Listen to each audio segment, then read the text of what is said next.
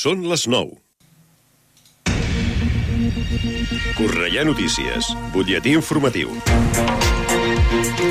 Molt bona nit, els parla Verónica Tomico. El bus metropolità arriba als 105 milions de viatges durant aquest 2023 i assoleix un nou rècord anual.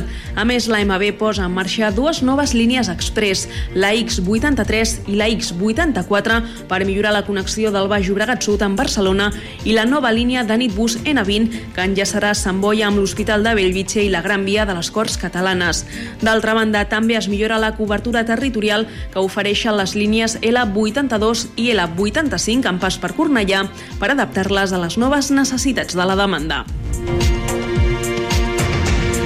Cornellà està immersa en les celebracions nadalenques. Una de les propostes més esperades pels infants cornellanencs és la presentació del conte de la nit de Reis d'aquest 2024, una història que aquest any és obra de Joan Gallofré i està il·lustrada per Irene Alcázar. Avui també s'ha presentat el cartell del conte de la nit de Reis. El color és el gran protagonista d'aquesta imatge que ha estat creada per Michael. Els autors de Cornellà estrenen nou llibre aquest Nadal. Finestres de Hopper és el nom del nou recull de relats que es presenta demà dijous a partir de les 7 del vespre al Castell. La temàtica triada per aquest nou llibre de relats és la pintura de l'artista Edward Hopper, que cada autor local ha reinterpretat en els seus textos. I el Club dels Amics del Ferrocarril de Cornellà organitza la festa del trenet a Nadal. Aquest esdeveniment tindrà lloc el dissabte entre les 5 i les 8 del vespre. L'entitat convida la ciutadania a assistir-hi per pujar al trenet i poder veure el Pare Noel i les estacions decorades amb els llums de Nadal. Fins aquí aquest butlletí informatiu. Poden seguir informats de l'actualitat de la nostra ciutat al Cornellà Notícies de la una del migdia, als butlletins horaris i a l'app i la web de Ràdio Cornellà. També trobaran les darreres actualitzacions i notícies al radiocornellà.cat i a les xarxes socials de la ràdio, Twitter, Facebook i Instagram. Ara el temps. Connectem amb l'Agència Estatal de Meteorologia. Bona nit. Demà a Catalunya mantindrem eh, predomini del cel ennuvolat en punts del Pirineu amb precipitacions que poden ser abundants a la vall d'Aran amb cota de neu que baixarà a les hores centrals fins als 600-800 metres però que tornaran a pujar a últimes hores de la jornada cap als 1.000-1.200 metres. El vent serà un altre dels protagonistes amb fortes ràfegues que es poden registrar a cotes altes del Pirineu i també a zones exposades de la meitat sud i a l'Empordà. Temperatures que es mantindran sense gaires canvis significatius continuaran les glaçades al Pirineu Pirineu que es poden extendre cap a zones del voltant. Temperatures màximes. Arribarem als 18 graus a Tarragona, 17 a Barcelona i 15 a Girona i a Lleida. És una informació de l'Agència Estatal de Meteorologia. L'informació de Cornellà. Més a prop, impossible. Ràdio Cornellà, 104.6 FM.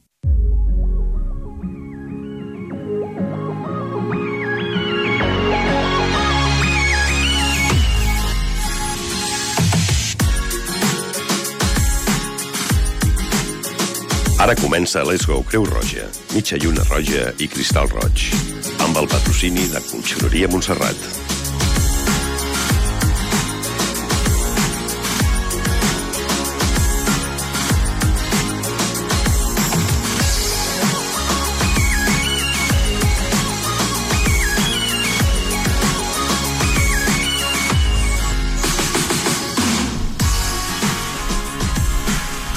...21 horas 3 minutos llegó la hora de Cruz Roja, llegó un nuevo miércoles, estamos en el miércoles 13 de diciembre de 2023.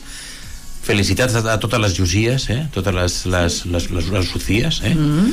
Felicitats a totes d'elles i nosaltres avui farem un programa molt especial perquè ja començarem a parlar del Nadal de fet ja es comença a veure el Nadal amb els, amb els hogars, amb, amb els llars ja veiem que hi ha la decoració típica del Nadal, els arbres, les llums, etc. Ja veus també els balcons que estan tots guarnits amb les llums i, i per això, concretament per això tocarà, mm, tocarem temes que venen relacionats amb el tema del Nadal. No obstant això, també parlarem de la felicitat als 96 anys. Una felicitat que ve perquè comparteix encara avui dia molts dels seus coneixements amb la gent, és un voluntari de Creu Roja i parlarem molt breument, però parlarem molt breu d'ell de, sobre aquesta felicitat i aquesta salut que li manté viu i que li manté, li manté diguem, relacionant-se amb tothom i relacionant-se com a voluntari de Creu Roja. Uh, parlarà la nostra companya Mayalén Prieto de la manipulació de masses, eh, que no deja de ser una fórmula establecida por, los, por aquellos avispaos que lo que intentan es, eh, digamos que, alterar la justicia y alterar incluso la verdad manipulando a las masas con determinadas técnicas de las cuales ella os hará un breve resumen de las mismas. La sección lúdica con Olga Giorgi y las uh, adivinanzas, ya sabéis que tenéis un, una fórmula para obtener un premio de Cruz Roja, concretamente facilitando la solución a través de un audio, nota de voz, a través del WhatsApp.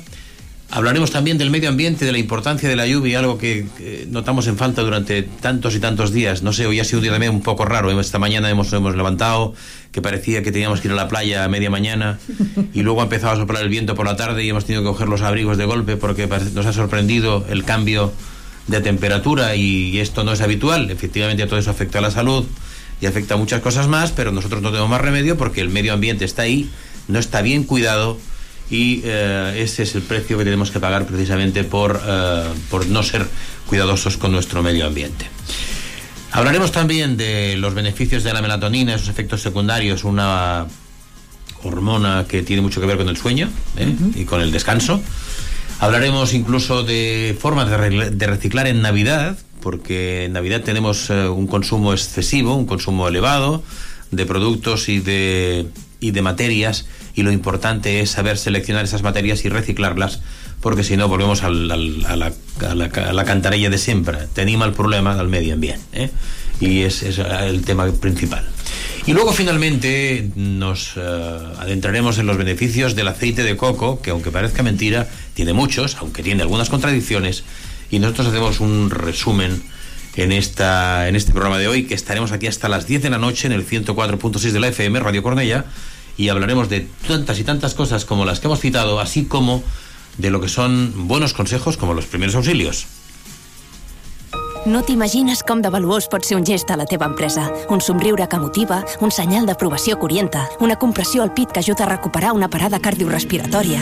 Ensenya al teu equip els gestos més valuosos. Informa't i contracta els cursos de primers auxilis per a empreses a cruzroja.es o al 902 22 22 92. Aprèn a salvar vides. Felicitats als 96 anys per ser voluntari o gràcies a ser un voluntari de Creu Roja. A mesura que complim anys podem arribar a pensar que ja no estem capacitats per fer determinades activitats o determinats plans, però per sort sempre hi ha algú que ens demostra que això no és així, que la, la vitalitat es porta per dins i només has de deixar que es vegi. Jesús Serna, amb 96 anys, és un exemple perfecte. Jesús té 96 anys i és voluntari de, de més edat de Creu Roja a Lleida. Cada matí s'aixeca, fa exercici en un parc pròxim al seu domicili, juga cartes en un centre de majors, fins i tot entrena al tennis una vegada per setmana amb la seva filla. Res l'atura, i tant és així que entre totes aquestes coses és voluntari de l'organització fent classes de català a persones que formen part dels programes de migració i refugi de Creu Roja, amb la finalitat d'ajudar-los a desenvolupar-se i compartir vivències. Per a mi és un orgull perquè jo els aporto felicitat i ells a mi també, assegura el voluntari. Per arribar a tenir aquesta edat que tinc, has de tenir un tracte formidable amb les persones que estan al teu costat, afirma Jesús. Fer feliç als altres per ser feliç, això és el que defensa el supervoluntari de Creu Roja Lleida, Jesús Serna. La seva manera de veure la vida, la seva grandíssima capacitat d'empatitzar amb les persones i la seva simpatia ho converteixen en una persona excepcional, estimadíssima pels seus alumnes, pels seus veïns i també pel personal tècnic de l'organització. Jesús és un exemple de vitalitat, de deixar a un costat l'edat com a element limitador i utilitzar-la una clau carregada d'experiències, vivències i carisma que nodreixen a tota persona que es creua pel seu camí. Aún no lo sabes, pero cada mañana hay personas que se levantan y necesitan sentir que tienen a alguien a su lado. Niños y niñas, jóvenes, mayores, inmigrantes, personas sin hogar. Con tu esfuerzo puedes contribuir a que todas ellas recuperen la sonrisa. El voluntariado es un boomerang de vida y vuelta. No lo dudes. Únete a Cruz Roja. Lánzate. Más información en cruzroja.es. Campaña financiada por el Ministerio de Sanidad, Servicios Sociales e Igualdad por solidaridad otros fines de interés social. Como decíamos al inicio, llegó diciembre y en muchas de las casas, en muchos balcones y en muchas tiendas, en muchos comercios, vemos que todo se engalana y todo se decora precisamente con eh, efectos navideños. Hoy os queremos dar algunos trucos muy sencillos para que estas fiestas sean, además de un lindo tiempo en familia, más ecológicas. Volvemos al tema de siempre, a la cantarella que de ella, a cómo cuidar el medio ambiente. Ilumina la entrada o la casa con velas. La iluminación navideña es preciosa, pero no malgastes energía. Existen otras alternativas como las velas, siempre que sean hechas con ingredientes naturales y que sea seguro encenderlas. El planeta y tu salud lo agradecerán. En el caso que si quieras poner luces, usa las LED y limita su encendido a determinadas horas. También decora con elementos naturales. Si quieres decorar alguna mesa o la entrada de casa, por ejemplo, reúne piezas de cristal que ya tengas algunas velas y añade elementos naturales. Pueden ser ramas secas o frescas que recojas en el campo, piñas, hojas, alguna fruta y cintas de tela que tengas en casa. El árbol ha de tener su engalanamiento y por eso hemos de intentar hacer que los adornos sean también ecológicos. A medida que la decoración plástica se vaya dañando, opta por nuevas opciones más sostenibles, como por ejemplo bolas de vidrio reciclado, casitas de cerámica o madera, pompones de lana o algodón, piezas de madera, figuras hechas con cartón. Puedes intentar hacer tus propios adornos navideños, siempre caseros también calendarios de Adviento Eco. Además de venir cargados de chocolates y chuches no sanas, los calendarios de Adviento comerciales, al utilizarlos debes tirarlos. Haz tu propio calendario de Adviento. Son innumerables las ideas que puedes encontrar en la web. De tela, con rollos de papel higiénico, de cartón reciclado, con sobres de papel. Lo importante es que tenga 24 espacios para rellenarlo. Incluyen algunos días actividades para hacer en familia, entre ellas un paseo por la naturaleza. Con respecto a los árboles, hay opiniones muy diversas. Hay quien prefiere el natural, otros el plástico, y cada vez más las familias más creativas están haciendo sus propios árboles, con materiales reciclados como madera, palets, libros, escaleras, entre muchos otros. Solo hay que hacer volar la imaginación o mirar en Google o Pinterest, que nos puede dar muchas ideas. Estudios han determinado que los árboles de plástico, los cuales son más contaminantes y dañinos para la salud ya que la mayoría son hechos con materiales tóxicos y no reciclables, como el mercurio y otras sustancias derivadas del petróleo, generalmente provienen de paisajes lejanos, países lejanos como China, lo que aumenta la huella de carbono generada por el transporte. El árbol natural suele ser de viveros cercanos, lo que reduce esta huella. Mientras el árbol natural ha sido criado, ha funcionado absorbiendo CO2, y lo continúa haciendo mientras está en los hogares. En, principio, el artificial puede tener un impacto menor, siempre y cuando se utilice durante al menos 15 años, en vez de uno natural durante el mismo periodo. Pero el natural ayuda a mantener las granjas de árboles en funcionamiento y, a su vez, a mantener sus tierras cubiertas por el hábitat forestal saludable del que depende la vida silvestre para sobrevivir. Ahora que tienes tres opciones de árboles por las cuales te has de decidir, sea cual sea, procura que con los consejos que te he dado, o que te hemos dado, mejor dicho, tu Navidad sea una Navidad sostenible.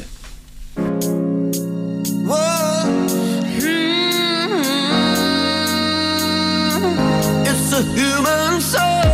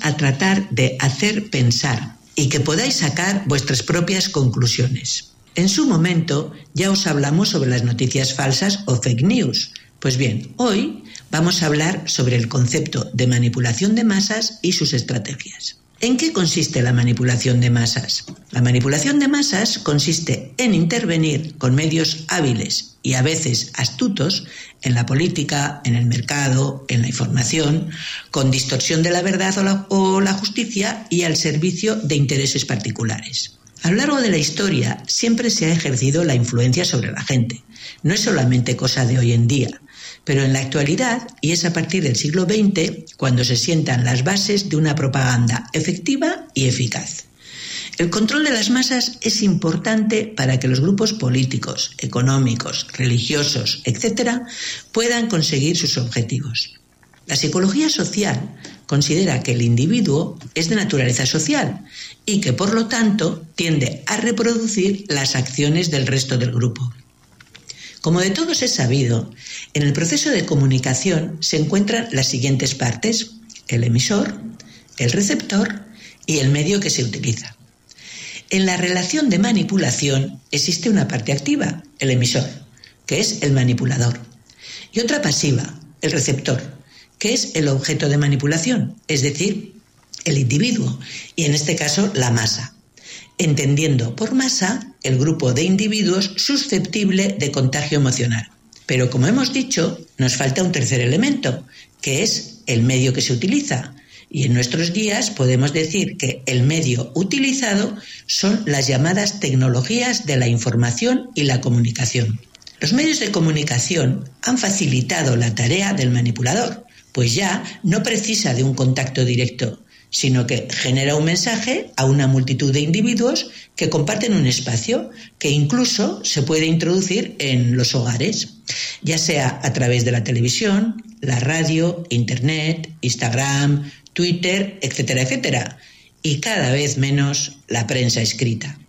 Vamos a analizar situaciones que todos vemos en los medios de comunicación y podemos ser conscientes de que la manipulación existe. Por ejemplo, cuando vemos tertulias de diferente índole en la televisión, nos podemos dar cuenta de que los tertulianos muchas veces parece que carecen de criterio propio. Y eso no quiere decir que no lo tengan, solo faltaba, sino que en realidad están transmitiendo a la masa lo que el manipulador quiere que transmita.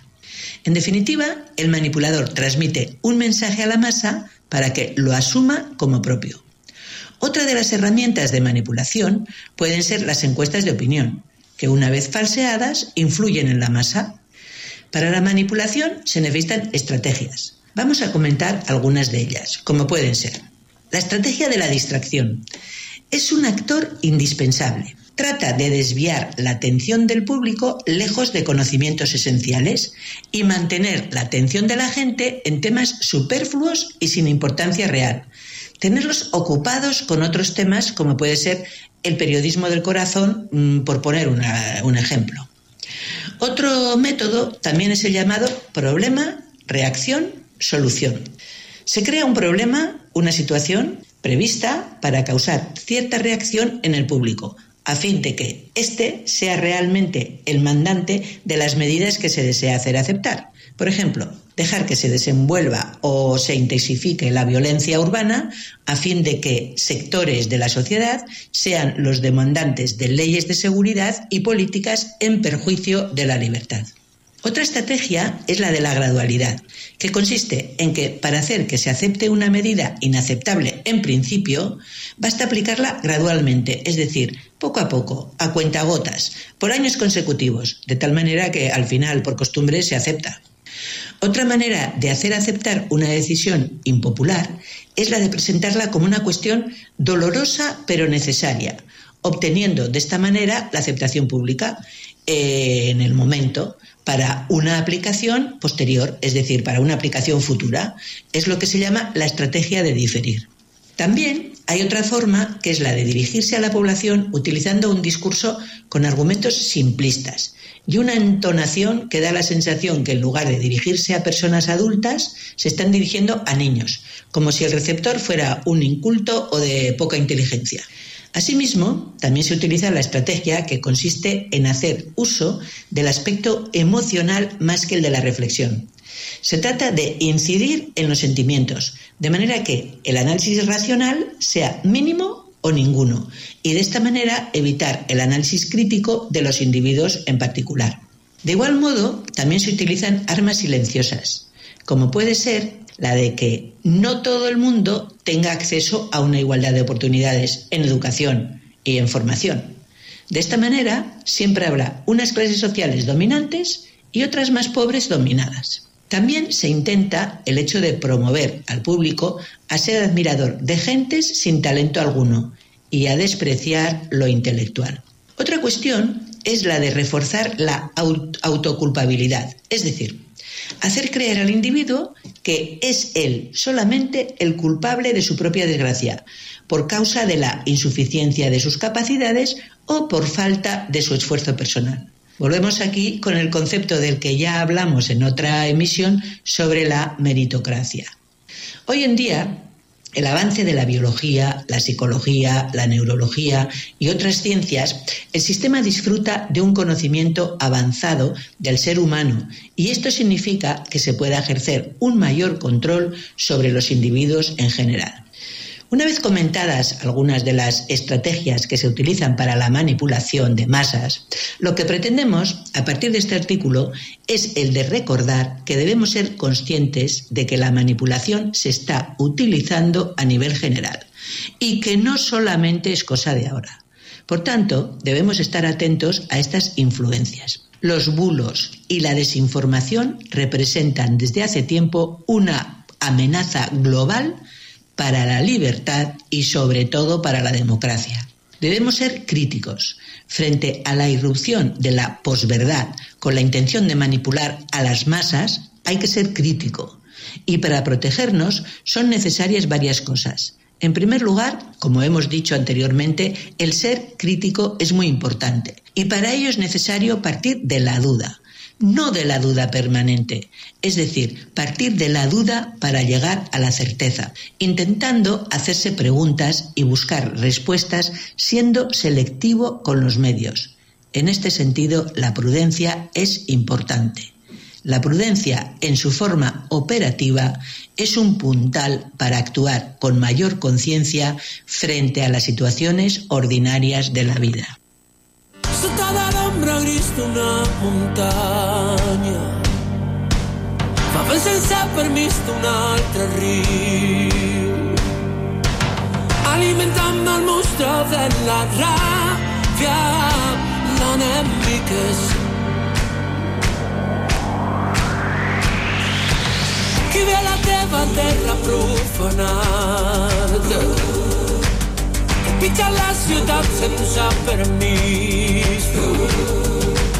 Qui traurà del carrer les teves coses? L'enemic és... Si aquests idiotes sabessin que jo sóc l'home més ric de la terra així, dins les teves abraçades, oblidaven que l'home no és més que un home Las teves mas de bandera que tinc com frontera una cançó.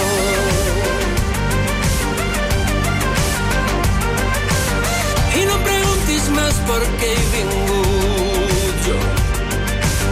Pregunta tu millor què fas aquí amb mi. Potser seràs el fill d'un fill com altres, un esclau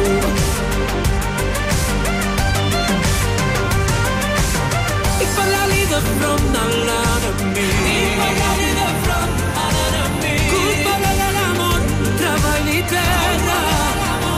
Treball i terra. Culpable del camí que tu segueixes dins la guerra.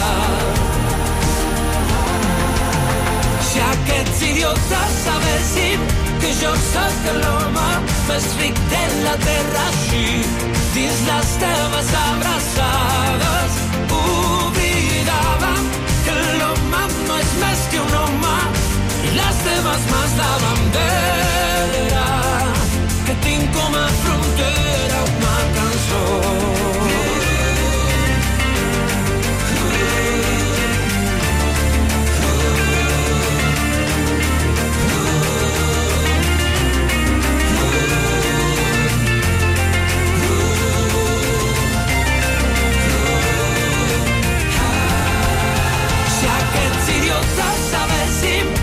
que jo sóc l'home més ric de la terra així, dins les teves abraçades, oblidàvem que l'home no és més que un home i les teves mans de bandera que tinc com a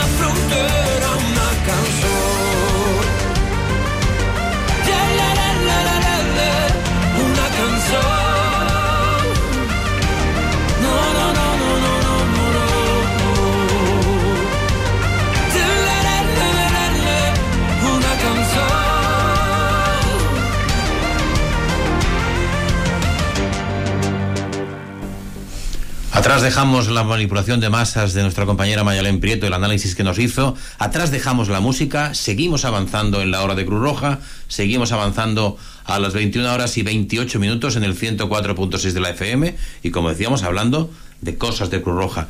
Entramos también en el momento de la, de la sección lúdica con nuestra compañera eh, Olga Giorgi, que la semana anterior nos decía o nos proponía el encontrar una solución a esta adivinanza. Brazos con brazos, panza con panza, rascando en medio surge la danza. Brazos con brazos, panza con panza, rascando en medio surge la danza y la solución era la guitarra. ¿Tenemos eh, solución? Tenemos. ¿Tenemos solución? Tenemos llamada. A ver la llamada que nos decía eh, la solución que era la guitarra. Hola, soy José Manuel Fernández y la respuesta la adivinanza es la guitarra. Efectivamente, José Manuel Fernández, ya sabes que tienes un premio en la Cruz, Roja, en Ruby George eh, de Cornellá. Y, te esperamos precisamente también para que sigas participando en el programa con las nuevas adivinanzas, porque la adivinanza de hoy también tiene un carisma especial. Así nos la cuenta eh, Olga Giorgi. Se viste el cielo de luces en cascada de colores para alegrar en la noche a los que están tristones. Se viste el cielo de luces en cascada de colores para arreglar en la noche a los que están tristones. La respuesta ya sabéis que nos la tenéis que enviar al teléfono que eh, repetimos cada programa, al 678 43 34 86. 678 43 34 86 con la solución mediante una nota de voz y tenéis un premio de Cruz Roja. Ya sabéis, 678 43 34 86. Y vamos a repetirla para que no se os olvide. Dice, se viste el cielo de luces en cascada de colores para alegrar en la noche a los que están tristones. 21 horas 30 minutos. Vamos con la importancia de la lluvia. Hablábamos al principio en nuestros titulares, concretamente de algo que echamos mucho en falta. Y es que falta agua, llueve a lo mejor por el norte, entra alguna borrasca por Galicia, llueve hasta el centro del país y luego cuando llega a Cataluña llega seca. Y es un problema que lo estamos sufriendo porque tenemos los, los pantanos y los embalses los tenemos al 20%, poco más, no mucho más del 20%. Llegó mediados de octubre, llegó noviembre, llegó diciembre, en octubre cayeron algunas lluvias, parecía que la solución era la solución a la sequía, pero finalmente nos quedamos sin ello, porque La lluvia es tan importante en la naturaleza y en nuestras vidas que conviene que llueva. Y ahora estamos, como decían o como hacían los indios en las películas del oeste cuando veíamos a los niños que habían el canto aquel y la danza, la lluvia para que lloviese. Habrá que pues cantar aquí y vamos a danzar. tener que cantar y danzar seguro. Y además, cuanto más cantemos y dancemos, posiblemente más, eh, o más éxito tengamos. Las lluvias son un fenómeno que se produce de forma natural y se generan como consecuencia de nubes cargadas con agua, a consecuencia de la evaporación de mares, lagos, océanos, lagunas, arroyos, entre otros.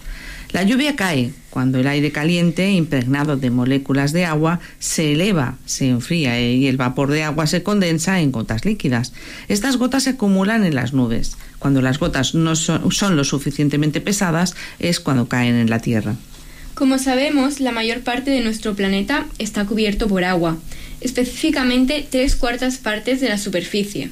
Pero, aunque podría parecer suficiente, estas aguas no pueden ser utilizadas directamente para el consumo de las personas ni animales, por lo que en muchas ocasiones requieren de un, de un tratamiento, como es el caso del agua del mar, que se puede dejar apta para consumo humano una vez son tratadas en desalinizadoras.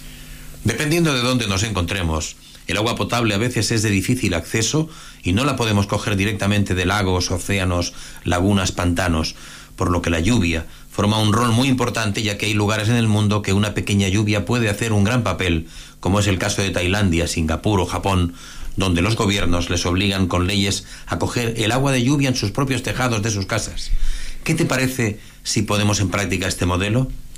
La lluvia, siempre y cuando sea en cantidades moderadas, es el único fenómeno natural que nos aporta muchos beneficios.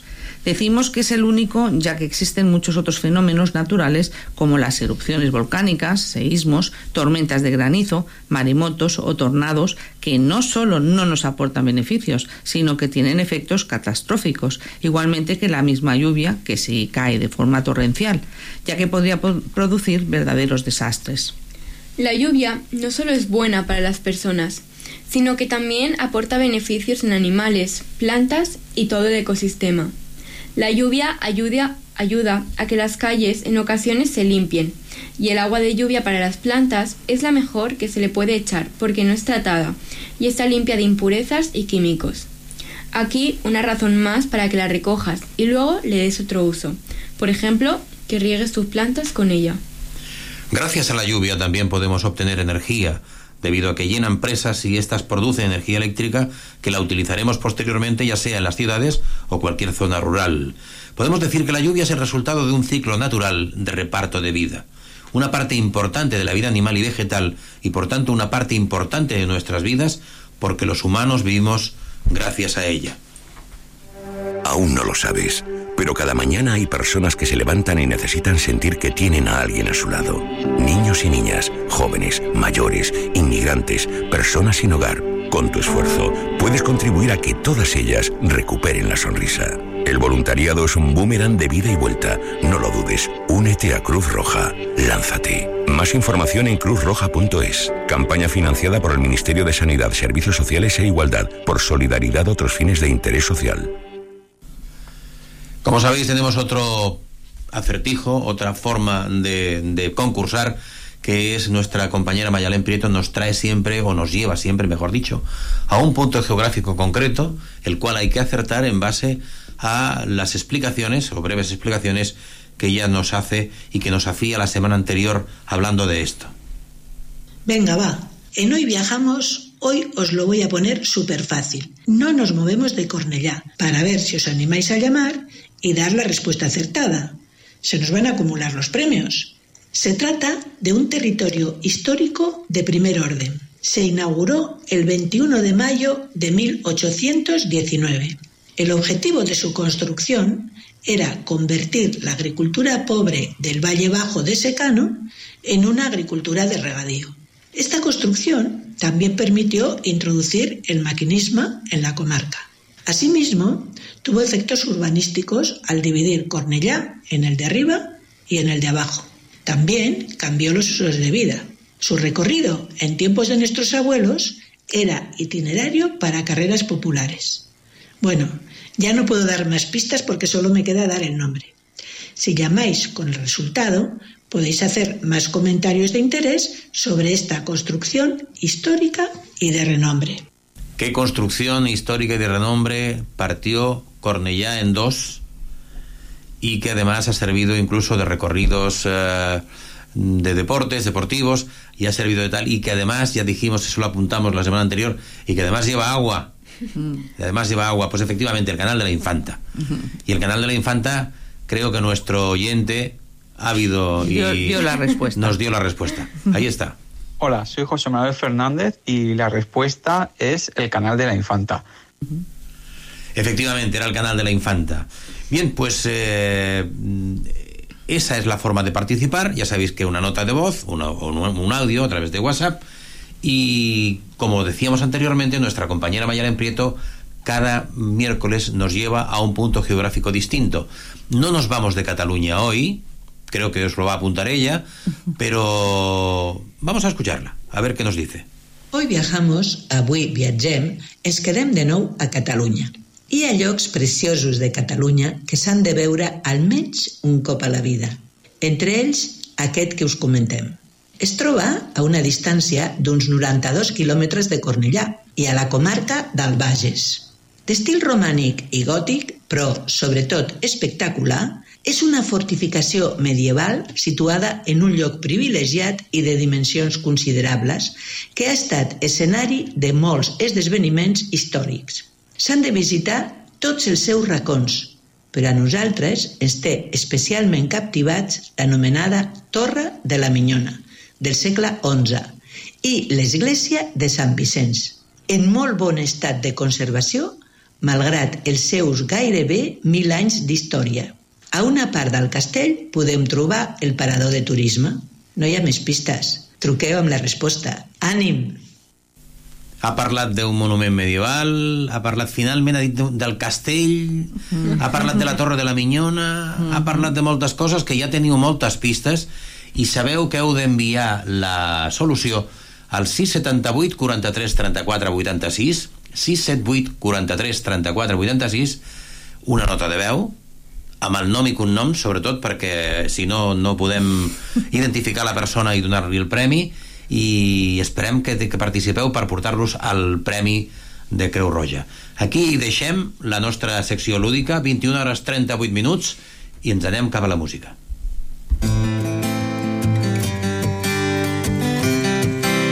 Hoy viajamos, avui viatgem. Creia saber què és el dolor. Ningú m'havia fet sentir pitjor. Amb les paraules pots fer mal. Però he decidit que no vull fer-te cas. Ara pot semblar que tot s'enfonsa. I t'asseguro que jo me'n sortiré. Quan la nit sembla que és més fosca.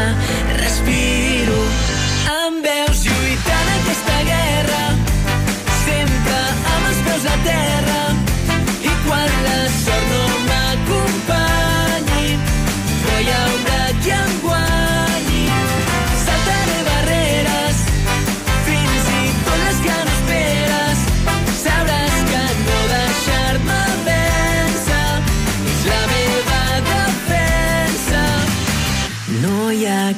camí del tot planer.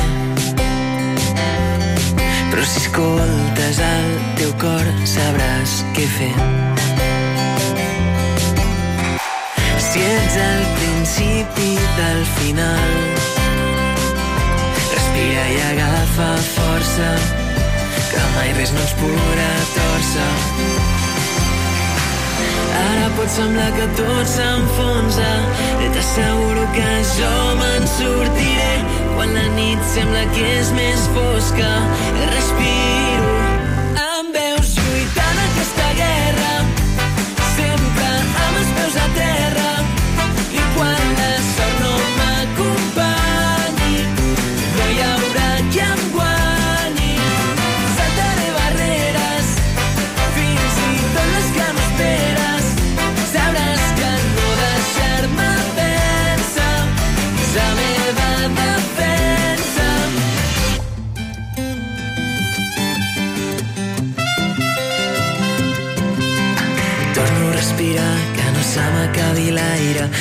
respirar, que vull veure i clavar.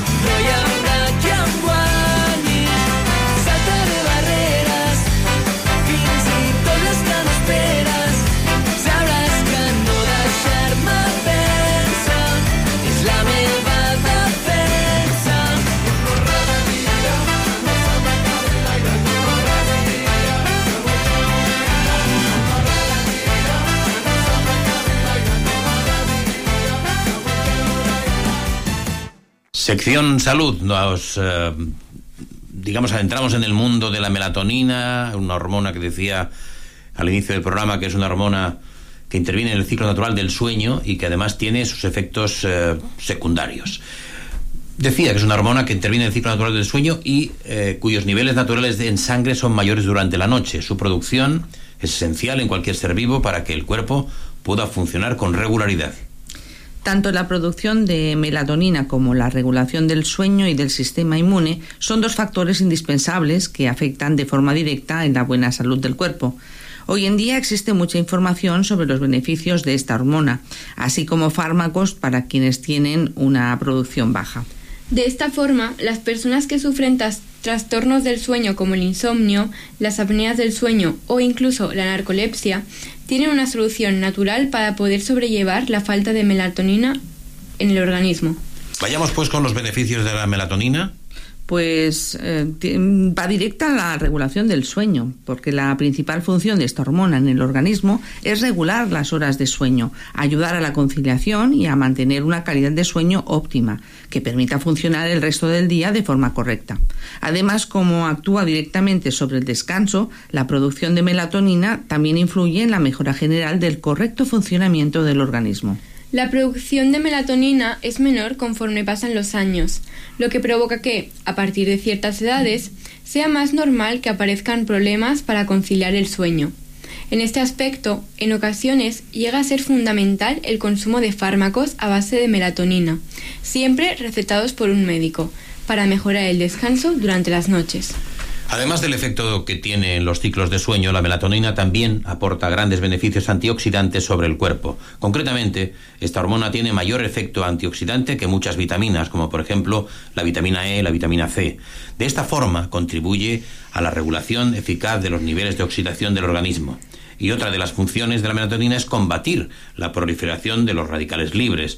Esto ayuda a prevenir el envejecimiento celular, cuidando la salud de las células y previniendo la posibilidad de sufrir alguna afección. A diferencia de lo que ocurre con otros fármacos para dormir, la melatonina es poco probable que genere dependencia, que la respuesta a la misma sea menor después de su uso repetido, habituación, o que el paciente experimente un efecto de resaca. No obstante, sí que pueden aparecer algunos efectos secundarios de forma frecuente, como por ejemplo el dolor de cabeza, mareos, náuseas o somnolencia. Aparte de estos, pueden aparecer también otros menos frecuentes, como sentimientos depresivos de corta duración, temblores leves, ansiedad leve, cólicos, irritabilidad, reducción del estado de alerta, confusión o desorientación, presión arterial anormalmente baja, llamada hipotensión, puede provocar también somnolencia durante el día, por lo que no hay que manejar ni usar maquinaria durante las cinco horas posteriores a consumir el suplemento. Además, hay que tener en cuenta que los suplementos de melatonina pueden interactuar con varios medicamentos, anticoagulantes y medicamentos antiagregantes, plaquetarios, anticonvulsivos, anticonceptivos, medicamentos para la diabetes, medicamentos que inhiben el sistema inmunitario, inmunodepresores. Existen también, refuerza el sistema inmunológico. Concretamente, la producción de melatonina beneficia normalmente de las defensas del organismo, ya que les da energía para combatir de manera óptima cualquier ataque de un microorganismo dañino. Además, esta hormona también contribuye a estimular la producción de anticuerpos, ayudando a combatir de una forma más eficaz las principales infecciones que provocan los virus o bacterias, así como el asma, las congestiones y las infecciones de garganta. Contribuye a la salud del corazón. El corazón es una de las partes más importantes del cuerpo. Es un órgano imprescindible para el bienestar del organismo. De esta forma, tanto el consumo como la producción natural de melatonina ayuda a mejorar el funcionamiento del corazón y nivela la correcta circulación de sangre. Esta hormona ayuda a oxigenarla, reduciendo considerablemente el riesgo de sufrir un infarto. Por otra parte, la melatonina también ayuda a controlar la producción de glucosa y del colesterol de alta y baja densidad. Esto permite tener una vida más larga y saludable, contribuyendo al bienestar del organismo y siendo un buen aliado para, por ejemplo, pacientes que sufren la diabetes. Ayuda a quemar de forma eficaz las calorías, por lo que evita que se almacenen y regula de esta forma la masa corporal.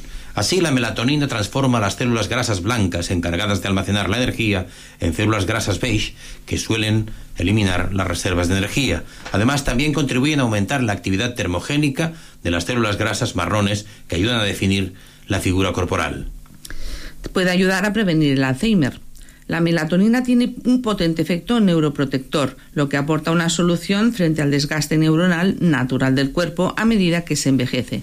De esta manera, la melatonina ayuda a preservar las propiedades de la membrana hematocefálica. Esta es la encargada de transportar la sangre hacia el cerebro, así como de impedir la entrada y el contacto de sustancias nocivas en el cuerpo. Esto protege la capa cerebral de inflamaciones y otros daños. Et el cor i mai més serem dos mons a part. A les revistes potser sí, però em seguiràs guiant. Perquè a l'obscuritat no veus mai res brillar i em pots necessitar. Saps que amb mi pots comptar. Perquè quan brilla el sol brillem nosaltres. Vaig dir que hi seria sempre, que seríem sempre amics. Vaig prometre que em tindries fins al fi. I ara sota la tempesta sé que ens tenim l'un a l'altre i que estàs sota el meu paraigua i que estàs sota el meu paraigua. Sempre, sempre, eh, eh, eh, sota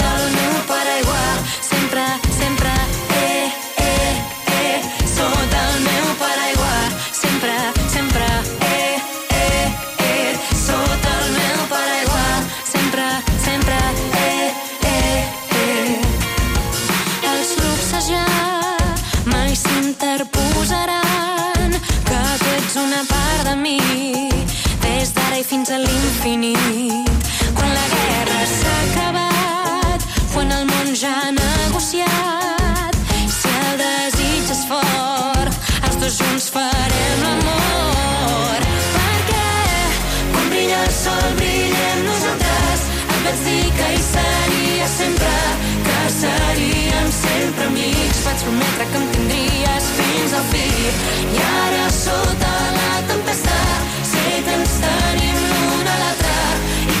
que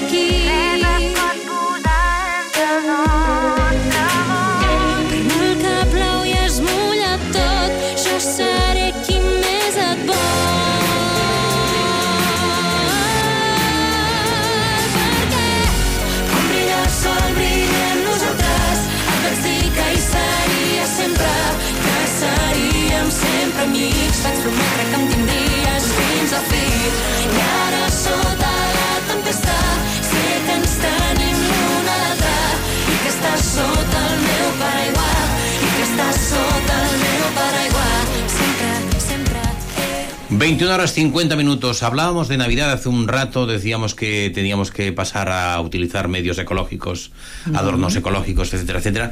Y no hemos dejado las fiestas navideñas porque todavía no hemos llegado a ellas. Y por ello también hemos de entrar también, sobre todo para mentalizarnos en lo que hemos de hacer con los residuos en esas fechas navideñas. Por lo tanto, reciclemos durante las fiestas navideñas. En menos de lo que pensamos, las tenemos aquí encima y traen celebraciones, reuniones, generan más residuos de los que se acostumbran a tener y, de los que son poco comunes y no solemos tener y que no solemos tener en el resto del año. Al ser residuos no usuales, podemos tener dudas a la hora de desecharlos o de dónde depositarlos para poder darles una segunda vida. Así que toma nota porque hoy te aclaramos algunas posibles dudas y que puedas de alguna manera decir o, o saber qué tienes que hacer con ellos. Empecemos por la decoración de Navidad. Seguramente ya has puesto algún adorno o estás próximo a adornar tu casa, ya sea con el árbol, luces, flores, entre otros muchos adornos. Cuando llegue la hora de quitarlos, seguramente hay algunos que no puedas guardar. En este caso es aconsejable que todo aquello que no puedas reutilizar el próximo año, como los árboles naturales, lo deseches en el punto verde siempre y cuando no hayas podido trasplantarlo. En cuanto a los adornos, si alguno se ha dañado, intenta crear nuevos adornos con ellos y si no es posible, deposítalo en el contenedor gris, es decir, el de la basura normal. Las flores de Pascua naturales puedes transplantarlas, cuidarlas y mantenerlas hasta que florezca el siguiente invierno. En el caso que no puedas guardarla, deséchala con la basura orgánica. Las luces, intenta elegir siempre luces LED, ya que te durarán muchos años, pero cuando se fundan, llévalas al punto verde. Ahora pasamos a la comida dulces, postres. Los envoltorios de estos productos y las latas, ya sea de conservas o bebidas, también bricks y botellas de plástico, como siempre, llévalas al contenedor amarillo. Seguramente también eh, mucho desecho de vidrio podrás generar. El vidrio va en el contenedor verde, pero si es vidrio, por ejemplo, de una vajilla rota, no. Estos casos van al contenedor gris. Sin duda, esta es una época de juguetes. Papá Noel y los Reyes Magos posiblemente lleguen cargados de regalos que reemplazarán los más antiguos. Te recomiendo intentar donarlos ya que harás feliz a otro niño. Pero si están dañados o no pueden ser utilizados por alguien más, deséchalos en el contenedor gris. Muchos juguetes necesitan pilas y baterías y el consumo de estas aumenta significativamente en esta época. Cuando se hayan acabado, llévalas a los contenedores especiales habilitados, que hay muchos en los comercios, incluso hay algunos mm, contenedores en la calle donde se pueden depositar las pilas. El papel de regalo y las cajas de cartón son de residuos más habituales en estas fechas. Existen opciones para reducirlos, por ejemplo, reciclar periódicos o revistas antiguas y envolver los regalos con ellos, o también guardar el envoltorio y reutilizarlo para futuras ocasiones. Si no puedes reutilizarlo, recuerda que va al contenedor azul. Esperamos que estos consejos de reciclaje te sirvan y te permitan tener unas felices fiestas que además serán más sostenibles.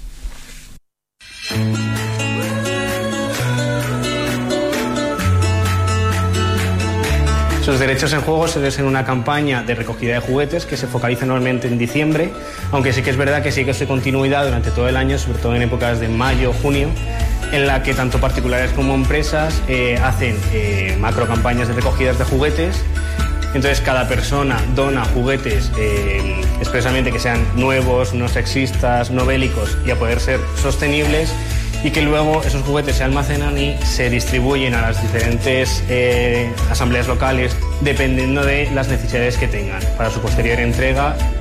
En la Comunidad de Madrid, en la campaña de sus derechos en juego, desde hace más o menos dos años, eh, se intenta conseguir que ya no tanto se entreguen juguetes físicos, sino que se entreguen eh, tarjetas de dinero, en la cual se entrega una tarjeta por participante, por niño por niña. Entonces es la misma familia la que elige el juguete correspondiente para entregarle. Es más beneficioso puesto que le damos al niño lo que realmente quiere. No es tanto, eh, nos han donado X o solo tenemos X, no se le puede entregar más va más a las necesidades que vea la familia que tiene o los gustos que se puedan diferenciar. Los voluntarios y voluntarias llegaremos al establecimiento y una vez hablado ya con la tienda, eh, nos dejarán espacio para poder atender a las familias. Eh, iremos con cada padre y madre para poder acompañarles y eh, ayudar a que puedan elegir un juguete correcto para su hijo. Ellos más que nada conocen bien los gustos de su hijo, pero junto al voluntariado conseguiremos que todo lo dado en las sensibilizaciones se pueda dar en práctica y puedan elegir tanto un juguete divertido como educativo para sus hijos e hijas. Para mí personalmente es una campaña que me ha llenado muchísimo, tanto esta como el proyecto que la lleva, que es juguete educativo y animo a todo el mundo a participar y seréis todos bienvenidos.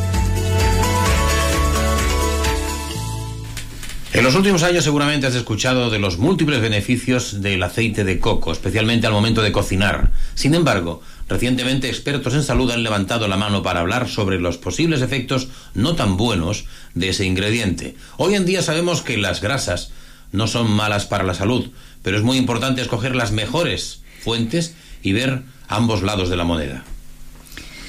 Lo primero que debemos saber del aceite de coco es de dónde proviene. La respuesta es tan sencilla como que es extraída de la parte inferior de los cocos, de la pulpa blanca. Los cocos que son utilizados para su extracción se cosechan cuando sus cáscaras externas todavía están verdes, las cuales se desechan una vez que son abiertos.